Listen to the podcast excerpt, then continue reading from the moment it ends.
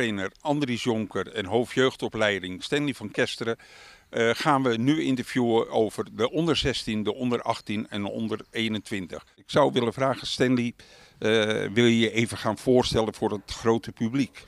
Ja, ik ben Stanley van Kesteren. Uh, nou, komend jaar ga ik hier de onder 18 trainen en ik ga de club helpen om wat beleidszaken te doen als hoofdopleiding. Ehm, ik ben, kom uit Den Helder, geboren en getogen. Begonnen als voetballer daar Daarna uh, even jeugdopleiding AZ gehad. En daarna belandde ik hier uh, bij Telstar. Heel lang geleden. Um, alleen helaas niet in het eerste komen te spelen. Um, daarna een stapje terug richting AFC 34. Daar heb ik negen jaar in het eerste gespeeld. En uiteraard toen mijn uh, ingang naar de, naar de trainerwereld opengemaakt. Daar sta je nu aan de vooravond van een heel mooi project, heb ik het idee. Dat is namelijk het jeugdvoetbal bij Telstar herintroduceren. 16, 18 en onder de 21. En dat alles onder de bezielende leiding, coördinatie van Andries Jonker. Andries, kan je even in het kort jezelf voorstellen? Ik ben uh, Andries Jonker, een leven lang in het voetbal. Uit Amsterdam-Noord. Uit de legendarische De Volenwijkers voortgekomen. Dat Morsveld Babies. Dat is mijn clubje, ja. En ja, zelf geen topvoetballer geweest. Niet verder geschopt dan een jaartje in Volendam 2. Toen heette dat het C-elftal. En ja, vierde KNVB en prachtige clubs in het buitenland. Barcelona, um, Arsenal, Wolfsburg, Bayern München. En een paar kleine clubs in Nederland. MPV, Willem II, Volendam en uiteindelijk Telstar. Sta ik nu hier. Op de achtergrond zien we heel veel jeugd op het veld. Uh, dat is uh, selectiewedstrijden voor uh, de nieuw te vormen jeugdteams. Hoe is Telstar er zo bij gekomen om weer te gaan beginnen? Ik zeg expres weer, want het is al eens eerder gebeurd, met jeugdvoetbal. Wat is de achterliggende gedachte? Ja, beleid. De, de, toen ik hier twee jaar geleden mijn contract tekende, was het plan om uh, met vijf jaar in de Eredivisie te spelen. En dat kan niet als je maar één elftal hebt. Dan moet je wel een voetbalorganisatie zijn. Dan heb ik het vriendelijke verzoek van Telstra gehad om uh, de jeugdopleiding inhoud en vorm te gaan geven gekozen voor een stap-voor-stap strategie. Dus afgelopen seizoen hebben we al onder 21 jongens en onder 20 meisjes neergezet. En dit seizoen gaan we over naar een zelfstandige jeugdopleiding met drie teams. Onder 21, onder 18, onder 16. Voor de jongens en die meisjes die houden we. Dus, ja, dus straks de piramide ontstaat zo van onderaf uh, opbouwen en langzaam uh, richting het eerste team.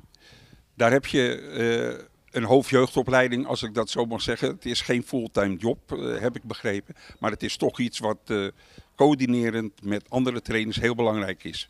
Stanley, hoe, hoe, zie je dat gaan ontstaan? Dat is inderdaad heel belangrijk. Um, het, is, het is eigenlijk weer vanaf, vanaf nul beginnen. Hè? Ja. het is natuurlijk echt, ja, we hadden die teams nog niet. ik kom uit een situatie bij, nou, bij FC Volendam, waar ik 12 jaar gewerkt heb. En de laatste jaren als hoofdopleiding. Daar begonnen we ook als nou ja, er waren wel teams. Alleen er was toen ook weinig beleid nog daarin. Maar die hadden een amateurtak erachter natuurlijk, hè? Ja, maar dat is een aparte club. Ja, ja. Een aparte club, ja. En, en hier is weer vanaf nul echt gaan beginnen. En dan is belangrijk dat je hele goede mensen op de teams hebt staan. Want uh, ja, het vergt wel veel van de trainer zelf om hun eigen team daarin te gaan bemannen. We weten dat uh, de centen, zeker in de keukenkampioen-divisie, natuurlijk niet voor het oprapen liggen. Dus er is een heel groot stuk noodzakelijkheid waarom Telstar dit weer is gaan oppakken. Inderdaad. Dat, ja. je kan bijna niet meer zonder, hè? Nee, maar ik denk ook dat de regio dat wilt.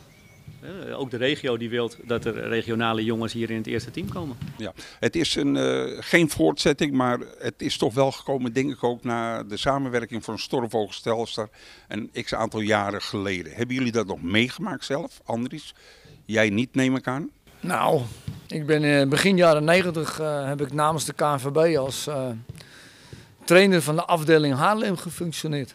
En toen speelde Stormvogels een hele grote rol in jeugdvoetbal.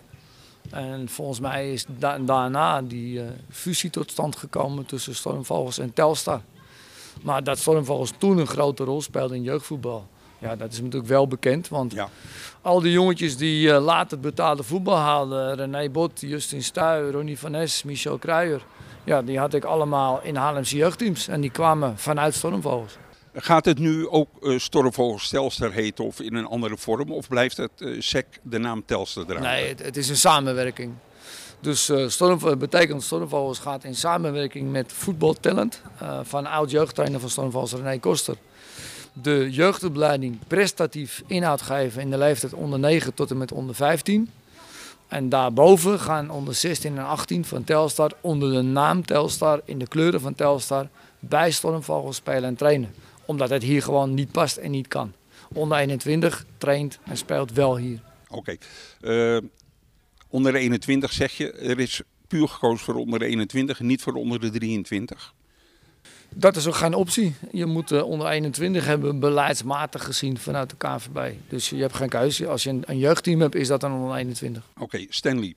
Uh, we kijken nu, uh, ik in ieder geval voor ons en bij jullie achter je, heel veel jeugdspelers. Ja. Ik denk dat het een helft job is om drie nieuwe teams te gaan invullen. Hoe pakken jullie dat aan? Ja, dat was wel lastig. En zeker in deze coronatijd. Hè, want uh, ja, er worden geen wedstrijden gespeeld, dus we konden niet gaan scouten bij elke club. Dus dat was wel lastig. En uh, ja, daar heb je heel veel te maken met bekende tipgevers van ons. Uh, waarbij je dan jongens toch kan gaan bekijken op een voetbalschool of eventueel wel bij een eigen club. Ehm, ja, dan nodigen we jongens uit en, en ja, daar moeten we een team van gaan maken. Ja alles wat nieuw is, moet over het algemeen beginnen in de laagste regio, in de laagste klasse. Is dat hier ook het geval? Ja, nee. ja, ja, in principe wel. KNVB, we zijn in gesprek met KNVB daarover en we hopen van niet. Maar in de regel staat dat we op nou ja, vijfde divisieniveau zouden moeten beginnen. Ja, en als dat gebeurt, uh, je krijgt een hele hoop talentvolle spelers. Want er zijn gewoon spelers die willen graag bij een BVO spelen. Ja. Uh, is dat voor die jongens dan niet een enorme achteruitgang omdat ze vaak al op divisieniveau spelen bij de amateurs? Nou, dan kijk je op korte termijn. Hè. Op korte termijn kunnen ze nu misschien bij een andere club op hoger niveau spelen. Alleen wij hebben een voetbalopleiding. Dus op langere termijn. En daar moeten jongens echt bewust voor kiezen. En wij moeten zorgen dat wij genoeg weerstand voor jongens gaan krijgen. Ja, dat zal dan waarschijnlijk gebeuren heel veel. Zolang we, als we weer mogen voetballen, uh, met vriendschappelijke wedstrijden neem ik aan. Nou, we kunnen natuurlijk heel goed oefenwedstrijden spelen tegen hoger uh, ingedeelde clubs. Maar hier is ook vier keer in de week trainen. En bij alle andere clubs maximaal drie keer. Ja. Dus als je daadwerkelijk wil ontwikkelen, ja, dan is dit natuurlijk wel een geweldige stap. Eén keer meer trainen, een heel jaar lang. En uh, oefenwedstrijden tegen prima clubs, afhankelijk van ons eigen niveau. En of we helemaal onderin ingedeeld worden, dat denk ik niet. Dat zal ergens halverwege zijn en terecht. En klopt het dan ook dat je gewoon eigenlijk per seizoen twee keer kan promoveren? Dat is de moderne opzet binnen de KNVB. dat je speelt in een najaars- en voorjaarscompetitie. Op de meeste niveaus is dat zo, ja. Dan kan het dus heel snel gaan. Stanley, uh, waar komen de meeste spelers vandaan? Als ik de regio een beetje bekijk uh, qua jeugdspelers, dan is het Koninklijk HFC, DEM en uh, Zeeburgia die de meeste spelers op het ogenblik op divisieniveau leveren. Klopt dat? Nou, dat zijn wel clubs die natuurlijk al op divisieniveau spelen. Dus, hè, dus er is al een, uh, noem het even, een selectieprocedure daarheen geweest. Maar nou is het niet zo dat wij alleen maar spelers daar vandaan hebben. Nee, wij proberen wel regio ook kleinere clubs daarin te betrekken. Uh, alleen het is op dit moment, wat ik zei, lastig om die talenten te ontdekken. Nou, dan moet je heel goed ingevoerd zijn hè, in het amateurvoetbal. Ja, ja, ja. Ben je niet bang dat je heel veel jongens krijgt die uh, al bij meerdere BVO's geprobeerd hebben binnen te komen, uh, de zogenaamde gelukszoekers, dat je die ook hier op de velden krijgt? Dat kan, maar wij zijn er zelf bij wie wij aannemen uiteraard. Ja, dat is natuurlijk wel makkelijk. En, en een grotere vijver. Ja, en het wil, het wil niet zeggen dat je als je van een andere BVO komt, dat je, dat je een meerwaarde kan zijn voor Telstar. Nee, dat klopt. Soms is juist een jongen die van een lager clubje komt, die hebben net even iets meer voor over. Hoeveel spelers uh, mogen er eventueel gevraagd worden van amateurclubs, uh, Andries? Nou, dat, dat, is dat gereguleerd? Laat ik het anders vragen. Nou, we maken het zelf uit. En uh, wat we uitmaken is dat we heel veel waarde hechten aan een goede relatie met de clubs in de regio. Dus het zou natuurlijk onzin zijn om uh, bij Koninklijke HFC of bij DEM of bij ADO 20 even zes spelers weg te halen uit één lichting. Dat kan niet. Want we hebben er alle belang bij dat die clubs ook op een hoog niveau spelen. Dus uh, wat we uit onszelf doen is maximaal twee per lichting. En je kan nog praten met zo'n club over een derde. Maar in principe twee per lichting en niet meer. Wij willen graag een goede relatie met die clubs. Maar we willen ook dat die clubs op een hoog niveau spelen. Dan kunnen die spelers zich, die wij in de toekomst nodig hebben, beter ontwikkelen bij hun. Vaak zijn trainers, uh, technische directeuren, hoofdjeugdopleidingen, uh, mensen al blij als er per lichting twee spelers ieder jaar doorstromen naar een, uh, naar een eerste team. En dan praat ik uiteraard over de onder 21. Is dat hier ook de doelstelling? Ja, dat is zeker de doelstelling. We doen het niet voor niks. dit jaar is uh, Jair Liesdek doorgekomen vanuit de onder 21. En daar, dat, dat is dan al het, rendement van zo'n onder 21. Eh, experiment geslaagd, ja geslaagd, iedereen blij. En kloppen er nog een aantal op de deur. Ja, als dat zo blijft, zouden we spek open zijn. Maar elk jaar een talent, zelfs dat is al hoog, hoog gegrepen. Ja, dat is heel hoog gegrepen. Nou, als je dat voor elkaar krijgt, uh, dan is de doelstelling die je eigenlijk in het begin van het gesprek uh, formuleerde, eindelijk is weer terug in de eredivisie. Zou dit een aanzet kunnen zijn? Ja, als je, als je terug wil in de Eredivisie, dan moet je echt een voetbalorganisatie zijn. Dan moet je niet één elftal willen hebben. Uh, dan moet je maatschappelijk draagvlak hebben. Dus er horen gewoon meisjes en vrouwen bij. Daar hoort jeugd bij. En dit is een regio waar men waarde hecht aan spelers uit de regio.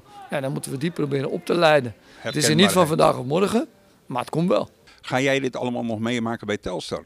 Met andere woorden, blijf jij hoofdtrainer hier? Dat uh, zal de toekomst uh, uitwijzen. Ja, dat is het mooiste antwoord natuurlijk. Ja, ja, goed, we zijn al een lange tijd uh, in gesprek en het gaat niet zo heel lang meer duren. Voordat? Voordat er duidelijkheid komt. Oké. Okay. bedankt zover. Wij gaan er een mooie reputatie van maken. Ik wens jullie alle succes om dit tot een goed einde te brengen. En chapeau voor dat initiatief. Dankjewel. Dankjewel.